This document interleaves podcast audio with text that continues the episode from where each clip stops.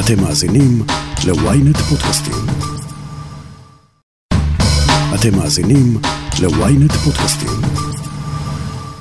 ביום שלישי הקרוב נקום בבוקר בפעם החמישית בתוך שלוש שנים ליום שבתון, יום שבתון הבחירות. אז למה הוא בכלל קיים, והאם כדאי בכלל לבטל אותו? אני רון טוביה, וזאת הכותרת.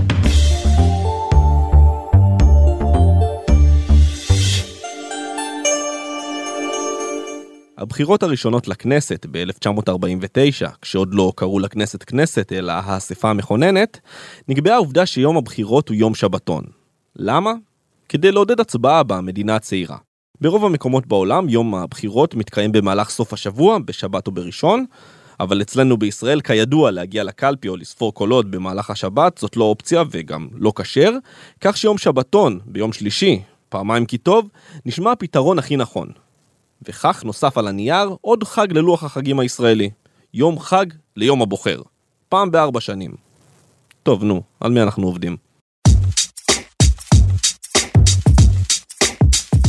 לחג הבוחר יש שני יתרונות, היתרון הראשון זה שהשבתון אמור לאפשר בעצם אה, לכל מי שרוצה להצביע, הוא אמור לגרום לזה שיותר אנשים יצביעו. זה פרופסור גידי רט מהמחלקה למדעי המדינה באוניברסיטה העברית בירושלים, ועמית בכיר במכון הישראלי לדמוקרטיה. אפשר להגיד אבל למשל שבבחירות המקומיות בישראל, איפה שביטלו את השבתון והחזירו אותו ב-2018 שוב, הייתה עלייה של 9% בהצבעה. יש שמייחסים את זה לאימוץ השבתון ויש שמייחסים את זה לדברים אחרים. ופה אני אעבור אולי לאלמנט השני שבעיניי הוא לא פחות חשוב. יש פה אלמנט טקסי וסימבולי. זה יום חג לדמוקרטיה, וכיום כזה אנחנו מקדישים את כולו לסיפור הזה של הבחירות. זאת אומרת, יש פה גם אלמנט טקסי וסמלי נורא חשוב, אלמנט של יום נורא חשוב שבו אנחנו מעבירים את הסמכות לבחור באופן זמני וגם מוגבל בהרבה מאוד בחינות, אבל עדיין מעבירים באמצעות פתק ההצבעה לנבחרים שלנו. אבל כאשר משתמשים בסמל יותר מדי הוא נהיה שחוק. אנחנו נמצאים במערכת בחירות חמישית בתוך שלוש שנים, ואם יום שבתון אחד פוגע במשק, אז מה נגיד על חמישה?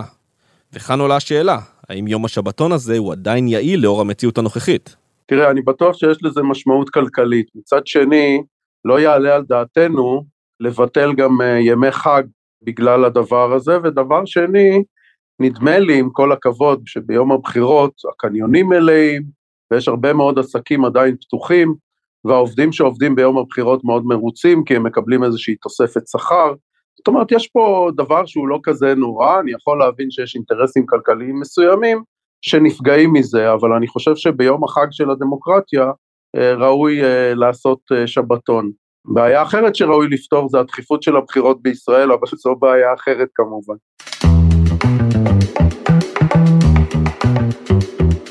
Republicans in Congress, don't boo, vote.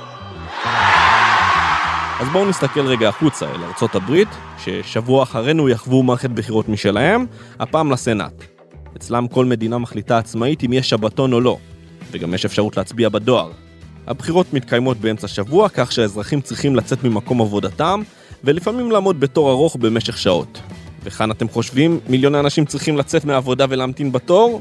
אולי זה כבר הפסד יותר גדול למשק מאשר לקבוע יום שבתון. אוקיי, אז uh, אתם צודקים. אבל פרופסור רט מסביר שמעבר לים, נושא השבתון הוא רק חלק ממאבק הרבה יותר גדול. בארצות הברית, צריך להבין, יש כל הזמן מריבה על כל מיני כללים שנוגעים לבחירות, שאפילו לא היינו מעלים בדעתנו שהם חשובים, משום שיש אינטרסים למפלגות השונות, לאחת, לרוב לדמוקרטים, לאפשר הצבעה לכל מי שאפשר, ולרפובליקאים להקשות על הצבעה, וזה נוגע, נובע מזה שהבוחרים הרפובליקאים הם ממעמדות יותר אה, גבוהים באופן כללי ומסקטורים מסוימים, ולעומת זה הדמוקרטים הם אה, ממעמדות אחרים. בארצות הברית הקטע הזה של מנהלת הבחירות, כולל הסיפור של אה, חופש, הקלות בעבודה וכולי, הוא ממש נגזרת של אה, אינטרסים פוליטיים.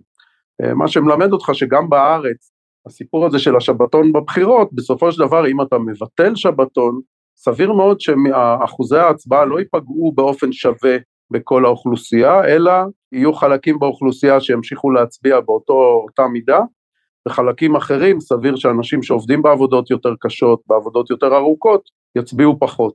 אז אם הסכנה היא שציבור מוחלש יותר לא ילך לקלפי בגלל זה ויקבל ייצוג יותר נמוך, יש מקומות בעולם שנוקטים בשיטה הפוכה, שבה לציבור המוחלש לא תהיה ברירה, אלא ללכת להצביע. אתה יודע, יש אפילו מדינות כמו בלגיה ואוסטרליה שיש שם חובת הצבעה, ולא סתם חובת הצבעה, אם אתה לא מצביע אתה משלם קנס, ובבלגיה יש שם גם אה, עונשים לא נעימים לפעמים.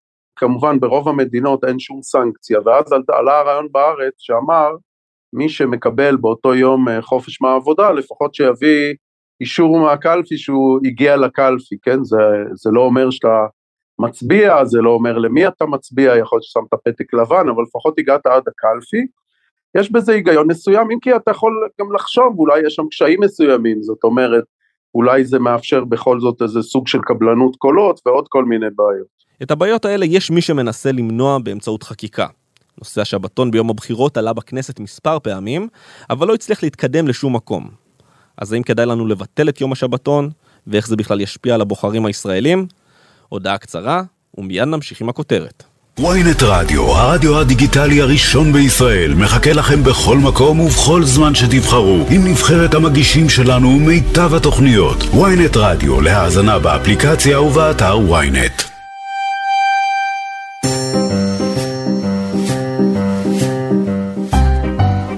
לפי סקר של המכון הישראלי לדמוקרטיה ב-2019, רוב מכריע בציבור הישראלי, כ-69%, סבור כי יום הבחירות צריך להיחשב יום שבתון רק עבור מי שהוכיח שמילא את חובתו האזרחית והצביע. אוריאל לין, נשיא איגוד לשכות המסחר, שלח מכתב לשר האוצר ליברמן בבקשה לתקן בחקיקה את העוול שנגרם למגזר העסקי בעקבות ימי השבתון, אבל הרעיון על שינוי יום השבתון לא חדש בכלל. ב-2018 הח"כ ויושב ראש סיעת כולנו לשעבר רועי פולקמן ניסה לחסוך למשק את העלויות והגיש הצעת חוק חדשה, לפיה רק מי שמצביע יכול לממש את יום השבתון. שמי רועי פולקמן, אני הייתי אה, יו"ר סיעת כולנו, אה, הייתי חבר כנסת בכנסת העשרים, בתקופה שעוד כנסות אה, כיהנו כארבע שנים. אני כלכלן בהכשרתי, יזם חברתי ויזם עסקי. הסיפור היה כזה, אני הייתי יו"ר השדולה לעסקים קטנים בכנסת, התעסקתי הרבה מאוד בחקיקה בנושא עסקים קטנים, ובאמת היה נראה הערכה של עלויות היא מדברת על בוא נגיד כשניים וחצי מיליארד שקלים עלות יום השבתון, נגיד אני יודע אחד וחצי שניים כמעט מתוך זה לדעתי זה המגזר העסקי, בכל מקרה יש כאן עלויות די כבדות של יום שבתון. עכשיו מה, מה המטרה? יש מטרה טובה ליום השבתון, חוץ משיהיה כיף לעובדים, המטרה בסופו של יום היא העלאת אחוזי הצבעה. הטענה היא כמובן שאם אתה צריך לעבוד ביום הבחירות, אז כל מיני אנשים, בעיקר בעבודות אה, אולי יותר הייתי קורא להם צווארון כחול או, או עבודות מסוימות, יתקשו להתפנות ולא יצביעו ולכן אה, אה, תהיה פגיעה בדמוקרטיה וכולי.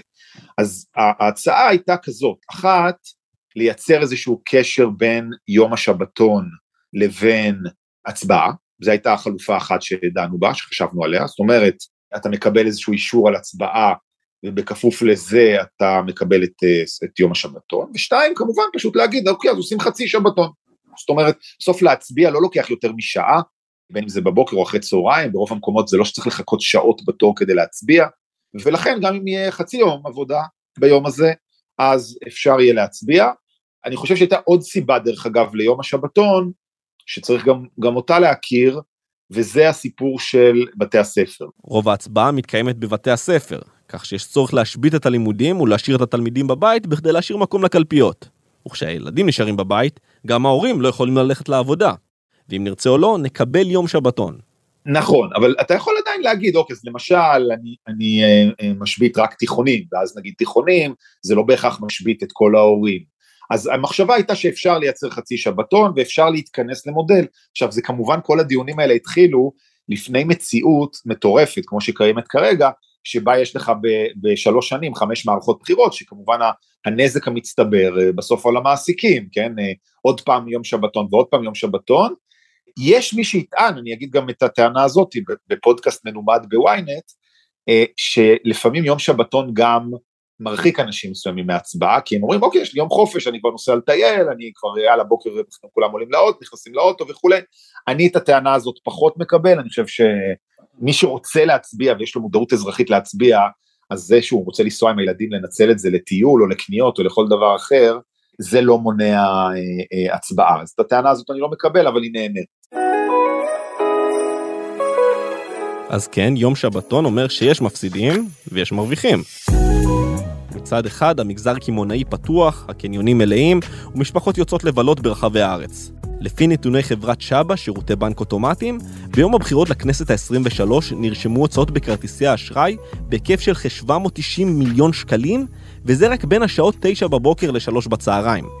הצד השני של המטבע הוא שמי שמפסיד כסף הם כל שאר המגזרים שתלויים בעובדים שלהם, שהלכו לבלות ולגהץ את כרטיסי האשראי שלהם בחוץ. פולקמן מעריך שאנחנו מפסידים יותר מאשר שאנחנו מרוויחים. יש הרבה מאוד uh, תעשייה בארץ ומפעלים ויש הרבה מאוד חברות, uh, חברות שמייצרות uh, דברים, לא משנה אם זה הייטק או תעשייה מסורתית, uh, אנשים לא נמצאים בעבודה ויום עבודה שווה כסף. אז נכון שחנויות וקמעונאות מרוויחים מיום שבתון בדרך כלל, ויש גם עוד אוכלוסיות שמרוויחות מזה, כי אוכלוסיות שצריכות לעבוד ביום השבתון, מקבלות על זה בדרך כלל תוספת, כן, נהגים, נהגי אוטובוס, דברים כאלה. אבל בסך הכל מדובר על uh, הרבה מאוד כסף. אני, אני רואה נגיד עכשיו, אני מסתכל על איזה דוח שהתאחדות התעשיינים הוציאו, אז הם מדברים על עלות של כ-2.3 מיליארד שקל, עלות יום השבתון למשק, שמתוכו 1.6 מיליארד שקל זה עלות יום השבתון למגזר העסקי. אז בסופו של דבר צריך לזכור שמעבר לשאלה על השפעת השבתון על המשק, ישנה סיבה שהיום הזה נוצר, העלאת אחוז ההצבעה. אז האם ישנה השפעה?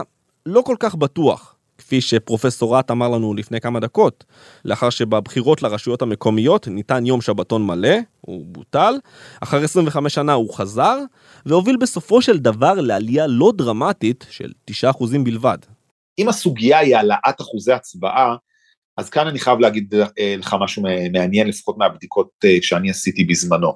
אחד, לא ברור אם יש הרבה לאן להעלות את אחוזי ההצבעה בישראל. ככל הנראה אחוזי ההצבעה בישראל מאוד מאוד מאוד מאוד גבוהים.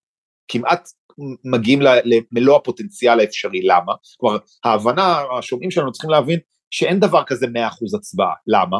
כי יש אה, למשל הרבה מאוד ישראלים שרשומים בפנקס הבחירות, אבל הם חיים בחו"ל, ולכן גם אם אני אגיד שכל מי שיכול בישראל להצביע, יכול, ובוא נגיד ננקה אה, חולים או אנשים שלא יכולים להצביע מסיבות בריאותיות, ואת כל הישראלים שנמצאים בחו"ל בזמן הבחירות.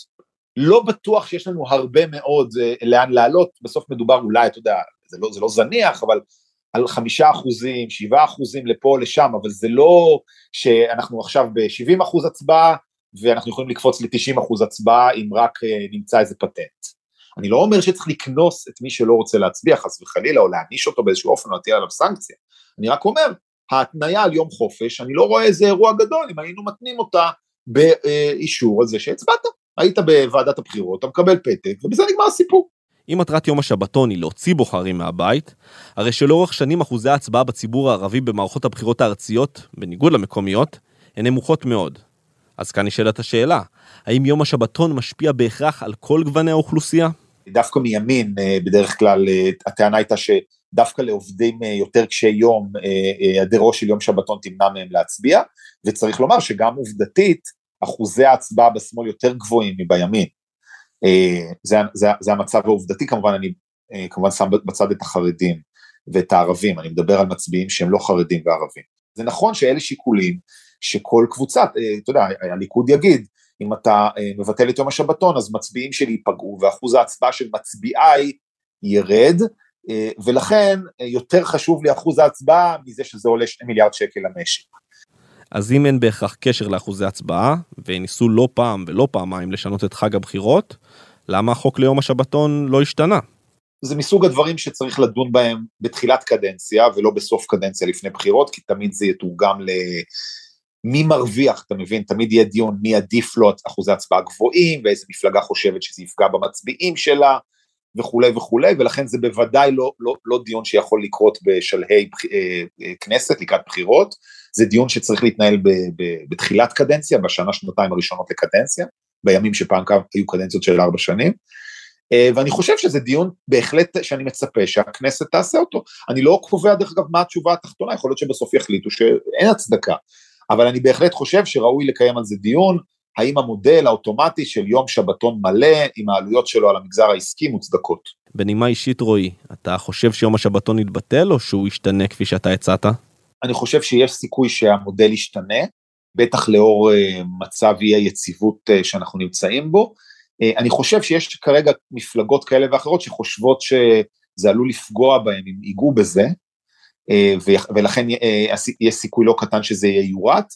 Uh, אני בהחלט חושב שיש סיכוי שזה יעלה לסדר היום הציבורי בכנסת, בכנסות הקרובות. מה תהיה השורה התחתונה אני לא יודע. חבר הכנסת לשעבר רועי פולקמן, תודה רבה. תודה רבה רון, שמחתי להתארח בפודקאסט שלך. בחזרה אליך פרופסור רהט, אם אה, יום השבתון הוא לא הגורם הכי משפיע על אחוזי ההצבעה, אז מה כן?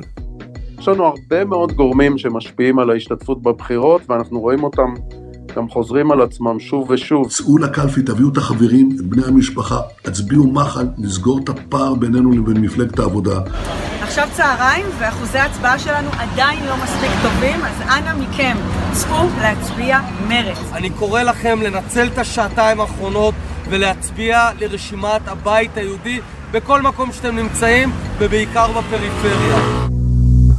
הסיפור של אה, יישובים באשכול כלכלי חברתי גבוה, וכמובן יש הבדלים בשיעורי השתתפות בבחירות הכלליות בין יהודים לערבים, יהודים משתתפים יותר מאשר ערבים, אצל הערבים יש תנודות מאוד חזקות בין מערכת בחירות אחת לשנייה, בארבע מערכות הבחירות האחרונות היה לנו בין 65% ל-45% אחוזי השתתפות בקרב הערבים, כאשר אצל היהודים היה פלוס מינוס סביב ה-70%. אז אלו ההסברים, זאת אומרת יש המון הסברים לעניין הזה של אה, השתתפות ושל הבדלים בהשתתפות בין קבוצות שונות באוכלוסייה. פרופסור גידי רט, תודה רבה. בבקשה.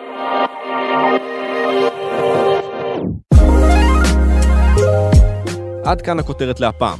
אתם מוזמנים לעקוב אחרינו בוויינט רדיו, באפליקציה בנייד וגם ברכב, או איפה שאתם שומעים את הפודקאסטים שלכם. אם זה קורה באפל ובספוטיפיי, אתם מוזמנים גם לדרג אותנו ולהאזין לפרק נוסף שלנו, חפשו את הפרק סודות תשדירי הבחירות.